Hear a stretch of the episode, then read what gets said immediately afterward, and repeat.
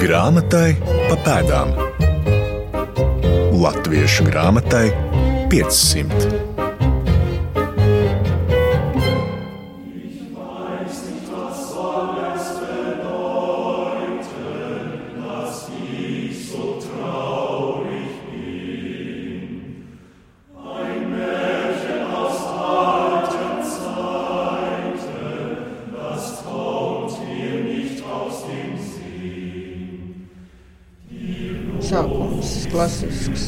Es nezinu mūžam, kā labadis skumīgs esmu tāds.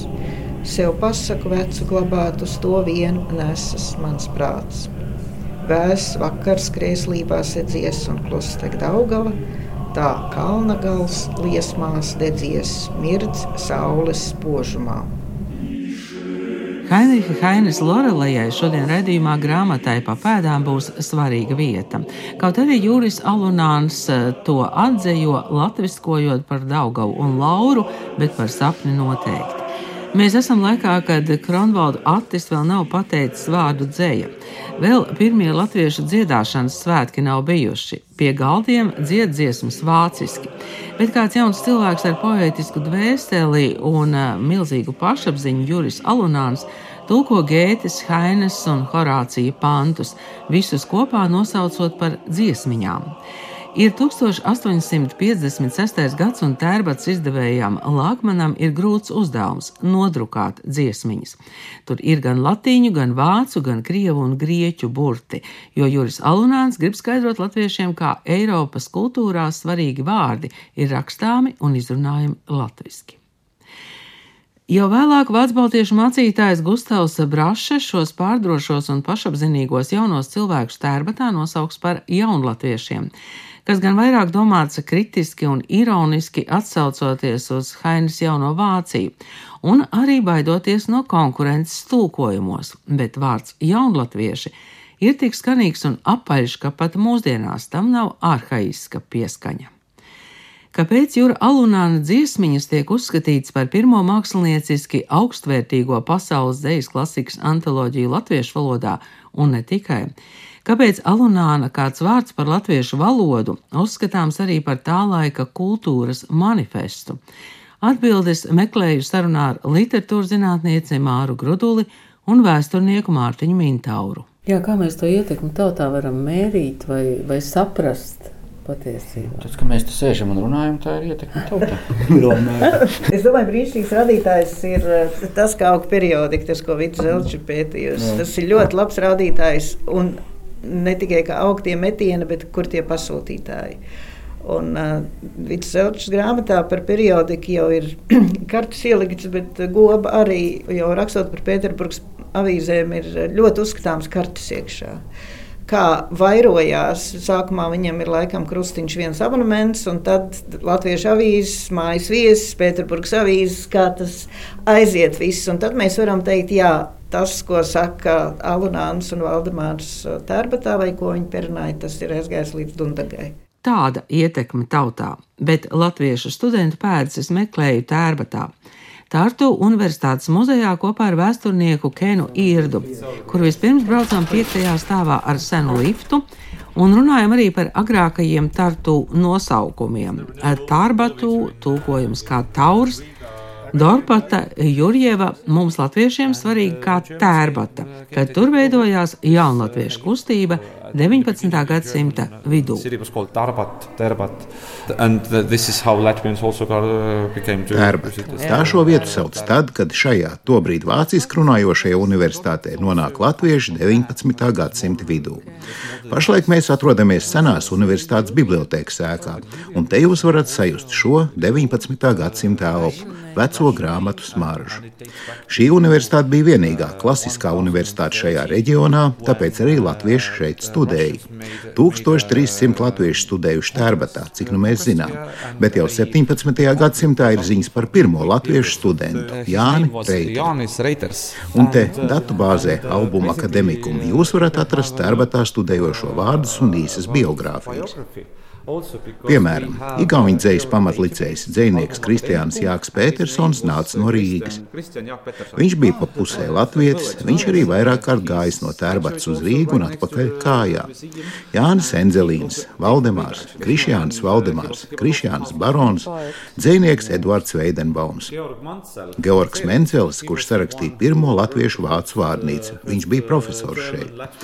Jānis Reiters, starp citu, ir bijis kritisks par viņu ortogrāfiju, kas esot pārāk pārāk vāciski.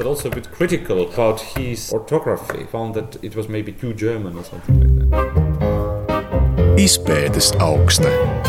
Tās jau ir garš un interesants par, par Tērbats universitāti, jo kā ir kolēģi vēsturnieki pētījuši, gan, gan Jānis Stradiņš, gan Arnis Vīksne savu laiku grāmatu uzrakstot par Tērbats universitāti un Latviju. Gan, gan jaunākos laikos Gins Apals, tas stāsts par Tērbats universitāti ir diezgan sarežģīts, tāpēc, ka to atjauno pašā 19. gadsimta sākumā, kā savulaik Zviedrijas uh, gubernatoru dibinātu uh, augstākās izglītības iestāde jau 17. gadsimtā, no 18. gadsimta pēc Ziemeļu kara tā vairs nepastāv, bet 1802. gadā atjauno Tērbats universitāti, un tad ir tas stāsts, par ko arī jau ir zināms, ka kādu laiku bija savu veidu konkurence starp Jelgavu un, un Tērbatu par to, kur šī Baltijas zemes universitāte vai vietējā universitāte, kā to dažādi sauca, tiktu ierīkota un kur tā varētu sākt darbu. Ir 109 dienas, kā akadēmiķis Stradiņš saskaitīja savulaik darbojās Jelgavas universitāte. Tad,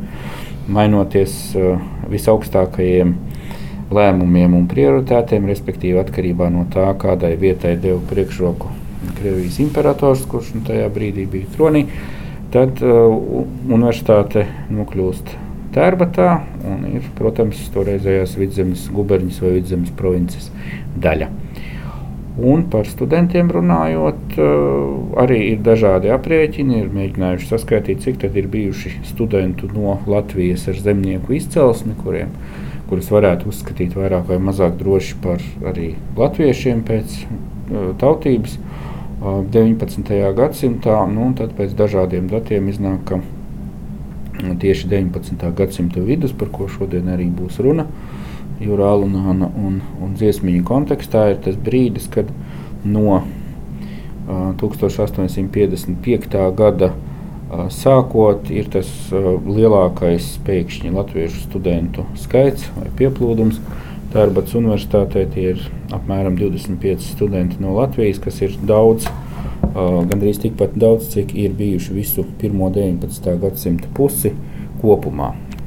Rēķina līdz 1850. gadam apmēram 30 studenti, nu, daži saka 33, daži 38. Uh, ir bijuši Latviešu izcelsmes Tērbats universitātē, tad pēc 1855. gada jau tas skaitlis ir sasniedzis 25 pavisam īsā laika, laika posmā. Nu, ar to arī tas viss sākas, bet, protams, ka Tērbats universitāte pastāv lielā mērā tajā 19. gadsimta otrā pusē, kas ir tik svarīga latviešu kultūras kontekstā ar jaunatviešu izveidošanos un ar tērbatas studentu pulciņiem.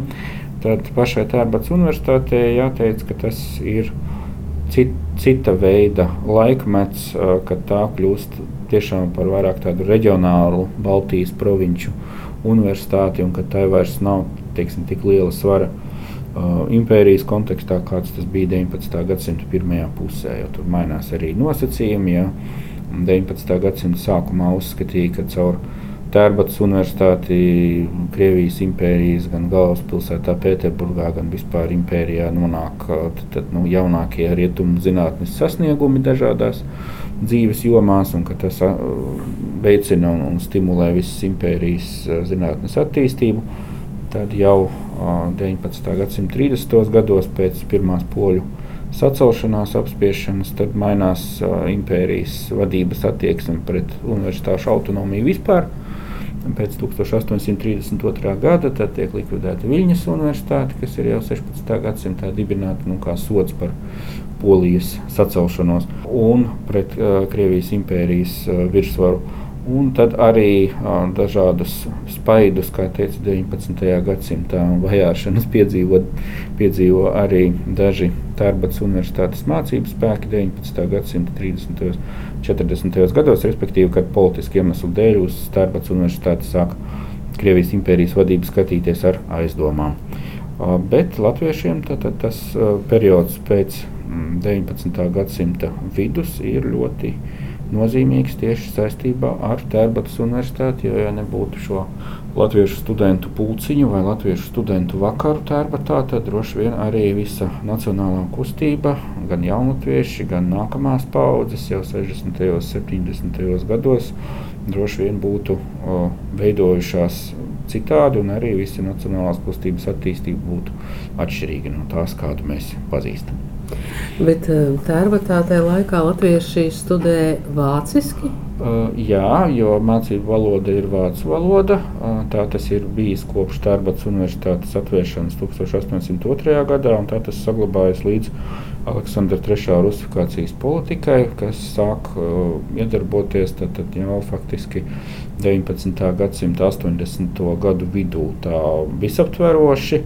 Un tad arī 1893. gadā sasniedz to augstāko punktu attiecībā uz izglītības sistēmu Baltijas provincēs, kad uh, pati Tērbatas universitāte tiek pārdēvēta par Jurjevas universitāti ar atsauci uz, uz 11. gadsimta Kīvas kņaza Jaroslava gudrā iekarojumiem Igaunijas teritorijā, kad šo vietu esot nosaukuši par Jurjevu.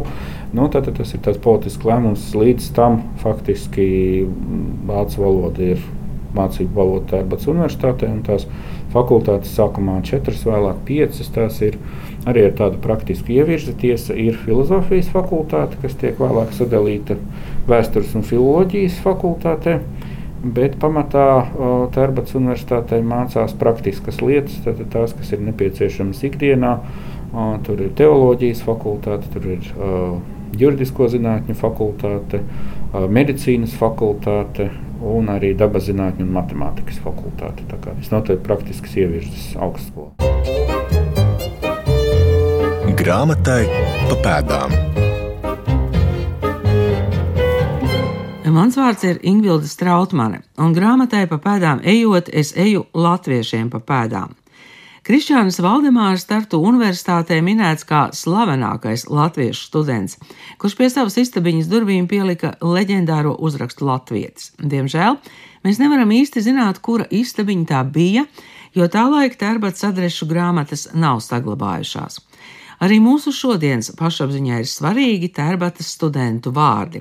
Vispirms pirmais no Latvijas nākušais Jānis Reiters 17. gadsimtā tolaik Tērbatas Gustava akadēmijā, tad 19. gadsimta vidū Valdemārs, Jūras Alunāns, Krišāns Barons, vēlāk Eduards Veidenbaums un senajā universitātes bibliotekas muzejā, kur šķiet, ka tev kāds ar skatienu seko un mazliet ieklepojas, Kensirts mums stāsta par latviešiem Tērbatā un vairākiem universitātes sākumiem, jo universitātes likteni ietekmēja varas un izglītības politikas katrā no laikiem - zviedru, vācu, krievu un tagad igauņu.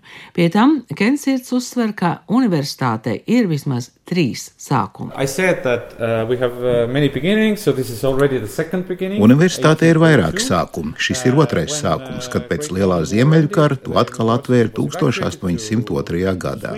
Jūs varat redzēt, kā tā ar to tolaik izskatījās. Līdz ar universitātes atgriešanos notika ļoti strauja būvniecība un pilsētas paplašināšanās, un Tartu kļuva par kultūras un izglītības centru. Ja universitāte neatgrieztos Tartu, tā varēja būt arī Jelgavā, bet tomēr tā atgriezās Tartu. Vēl kāds aspekts par Latviju. Kad tika ielikts universitātes galvenās ēkas pamatakmenis Domkalnā, runu teica Latvijas Kārlis Viljams. Tāds bija viņa vāciskais vārds. Šeit varat redzēt cilvēkus, kur iezīmē svarīgākās ārvalstis, no kurienes nāca studenti, akcentējot kultūras un izglītības kontaktus. Protams, sākam ar latviešiem, ar Krišjāni Valdemāru. Te mums ir arī korporācijas Fraternita Letonija cepuri un emblēma. Tērbatā notika tērbats latviešu vakari, kurus izveidoja Krišjāns Valdemārs, Krišjāns Barons ar domu biedriem. Un te mēs varam redzēt arī mūsdienu studentu geogrāfiju. 2022. gadā Tartu studē 39 studenti no Latvijas. Artefakta gaismā. Literatūras zinātniece Māra Grudule uz sarunu atnāk ar ļoti nolasītu Jūra Alunāna dziesmiņu izdevumu un atgādina, ka Juris Alunāns tolaik ir jauns cilvēks, kurš prasmīgi ir mācējis ne tikai tulkot un meklēt jaunas izteiksmes latviešu valodā, bet arī gudri dziesmiņas salicis tā, lai caur pazīstamajām dzīru dziesmām nokļūtu arī Horācijas. Un tā jauns students Terbatā Juris Alunāns, kurš ar pirmo piegājienu nemaz universitātē netiek. Ja runā par Alunāna dziesmiņām, tad es domāju, ka tas ir galvenokārt paša Alunāna ideju auglis. Ja mēs runājam par pirmo daļu, grāmata parāda jauna cilvēka plašo interešu loku, lieliskās zināšanas, es domāju, arī dzinieku ķērienu un uh, ārkārtīgi augsto pašapziņu. Un tas man liekas vissuperīgākais, ja tā var teikt. Grāmata ir pārsteidzoša daudzējādā ziņā. Un, ja mēs sākam tā pavisam vienkārši un piezemēt, es paņēmu un paskatījos to digitālo, digitalizēto variantu. Dziesmiņām ir pieejams Nacionālās bibliotekas kopkatalogā, katrs var lejuplādēt. Tad es domāju, ka pirmkārt jau izdevējiem tā bija ķīniešu abets. Jo uh, mēs zinām, dziesmiņas latviešu valodai pārtulkotas, tātad teksts ir latviešu, bet uh, šeit ir klāta blakus vācu teksts, kas nu vēl nebūtu nekas, jo tie ir gotiskie burti gan tā, gan tā. Bet uh, Alanāns ir pielicis arī dažādas savas idejas par valodu. Un, uh, nobeigumā ir vesels, uh, vesela rindkopa. Viņa piedāvājums varētu pāriet uz latīņu burtiem. Tagad, tur ir teksts, kas ir latīņu ortogrāfijā, bet tur nav to mums pierasto garumzīmi, bet ir tas gravis, laikam, saucamais atsevišķi. Tālāk ir, protams, kā darbi, kas ir, kur ienāk krievu valoda, kirilica. Atsaucēs ir grieķu valoda. Un tam visam ir vajadzīgi e, savi burtstabiņi, kuri ir jāsliek dažāda lieluma burtos. Tur ir atsaucē grieķu, tas ir tāds mazāks e, burtstabiņš vajadzīgs, vai ne? Mm -hmm. Es domāju, ka Lākmanim, Lākmanim tas nebija nekāds joks un pilnīgi brīnišķīgi, ka pietika naudas, lai to grāmatiņu varētu izdot vizuāli ir interesanti skatīties, un diemžēl tais vēlākajos izdevumos mēs vairs to tik labi neredzam kā, kā pirmizdevumā. Nu, tas ir tikai viens aspekts, valodnieciskais aspekts. Protams, ka var iet tālāk, var skatīties pašu dziesmu nosaukumu, kāpēc ir tāds nosaukums grāmatai. Tur arī Beata Paškēvics ir mēģinājusi rast salīdzinājumus varbūt ar Heinas krājumu nosaukumu, ka tā ir dziesmu grāmata, kā, kā ir Heinem, piemēram. Bet, eh, ja mēs skatāmies tā laika leksiku, vēl jau Kronvalds nav radījis vārdu dzēja. Un mums ir piedāvājumā dziesmas, kas ir garīgās dziesmas, dziesmu grāmata, ir garīga dziesmu grāmata, mums ir piedāvājumā zīņģe. Kas, kas protams, kas arī nederēs, jo tas ir ģermānisms, un tas varbūt ir pārāk triviāls jau tajā laikā, stenderziņas un alunāns izvēlas dziesmiņas. Bet ko var, par ko varbūt mazāk runā, ir jāatceras, ka daļa no pirmajā daļā ievietotajām dziesmām patiešām ir vācu mm, publikā, vācu sabiedrībā iecienītas uh, viesību dziesmas. Un mēs redzam, ka četras no dziesmām ir ievietotas tālāk, pirmajos, tātad kordziedāšanai paredzētajos krājumos. Uh, Un uh, Alonāns ir tulkojis vārdus dziesmām, kas ir dziedamas ar Mendelsona Bartoldi mūziku, Mocerta mūziku. Un te mēs varam runāt arī par Alonāna devumu latviešiem Eiropas muzikas vēsturē. Uh, bet tās ir tikai četras. Ja mēs paskatāmies tālāk uz tiem tekstiem, kas ir dziesmiņās, tad mēs atrodam, ka arī citas tajā laikā jau ir pazīstamas kā dziesmas. Tur viņš, piemēram, tulko pirmajā daļā Kazaka dziesmu pie šūpuļa, kas ir ar Lermontovu tekstu. Un ļoti viegli YouTube mēs varam sameklēt, eh, tā ir ļoti, ļoti populāra šupuļdziesma.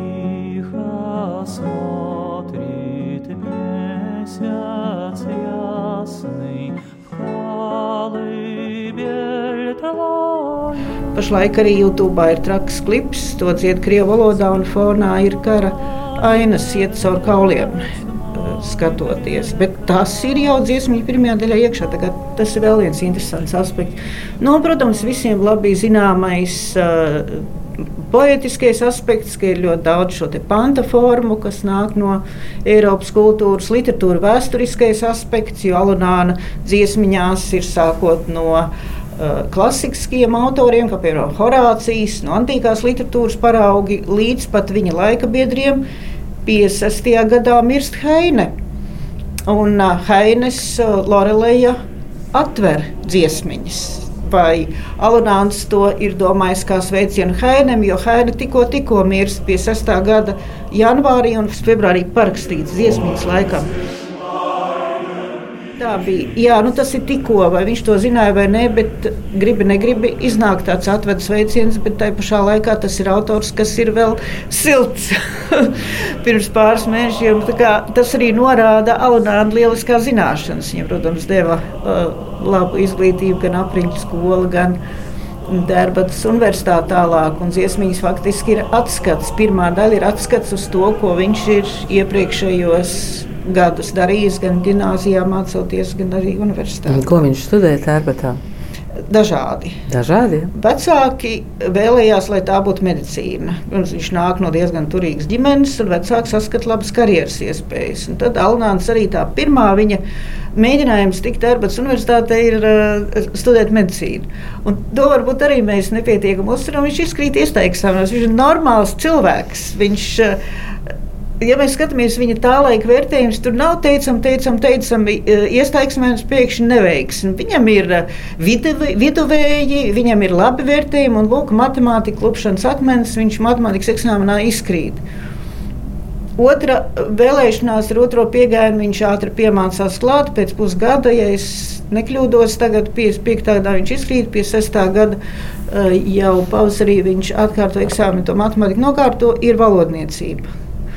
Un uh, pēc tam, satiekot Valdemāru, viņš pāriet uz tautsēmniecību. Un tad to arī beidz. Nu, bet tad viņš atkal mācās tālāk Meža institūtā, un tur vairāk nāk tās dabas zinātnes klāt. Kā var redzēt, ka viņš ir, man šķiet, ļoti jauks arī tas salīdzinājums, ka jaunatvieši dažā ziņā turpina apgaismības laikmeta misiju gan attiecībā pret publiku, pret sabiedrību, gan arī attiecībā pret sevi ar uh, ļoti plašām zināšanām, ļoti dažādos virzienos. Mēs redzam arī Alunāna publicistikā, tas, protams, neaptveram no ieteikumiem, kā kur jūs iznīdēt, kas ir aktualitāte cauri laikiem.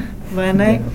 Līdz uh, jā, Horācija tulkojumiem tur viss spektrs. Cik valodas viņš zināja? Neriskēšu teikt, uh, mēs varam sākt skaitīt, jo viens ir zināt, otrs ir spēt tulkot, ko var ar starpnieku valodas palīdzību darīt, ko var ar vārnīcas palīdzību darīt.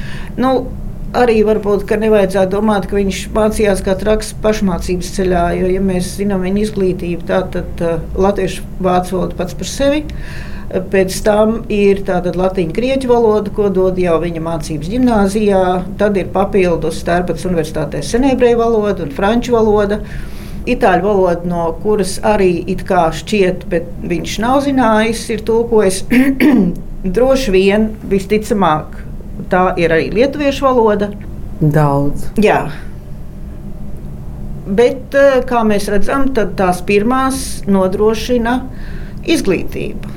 Tas ir pilnīgi normāli tam laikam, ja cilvēkam ir gimnāzijas izglītība, tad latīņu, grieķu valoda. Tas ir standarts Jā, izglītības. un no vācu latviešu. Saglabājies daļais krājuma dziesmiņu manuskripts, klāde, ko Indriķis Jūra brālis 1881. gadā dāvinājis Matīsam Kaudzītēm. Vēlāk klāde nokļuvusi filologu biedrībā, mūsdienās Latvijas Universitātes Zinātniskās bibliotekas reto grāmatu un rokrakstu nodaļā bet dziesmiņas abas daļas atrodamas Latvijas Nacionālās bibliotekas kopu kataloga digitālajā versijā, kā arī literārā mantojuma mazajā bibliotekā, kas iznāca 20. gadsimta 80. gados. Un tas arī bija Māras Grudules nolasītais eksemplārs. Atklājam tekstus!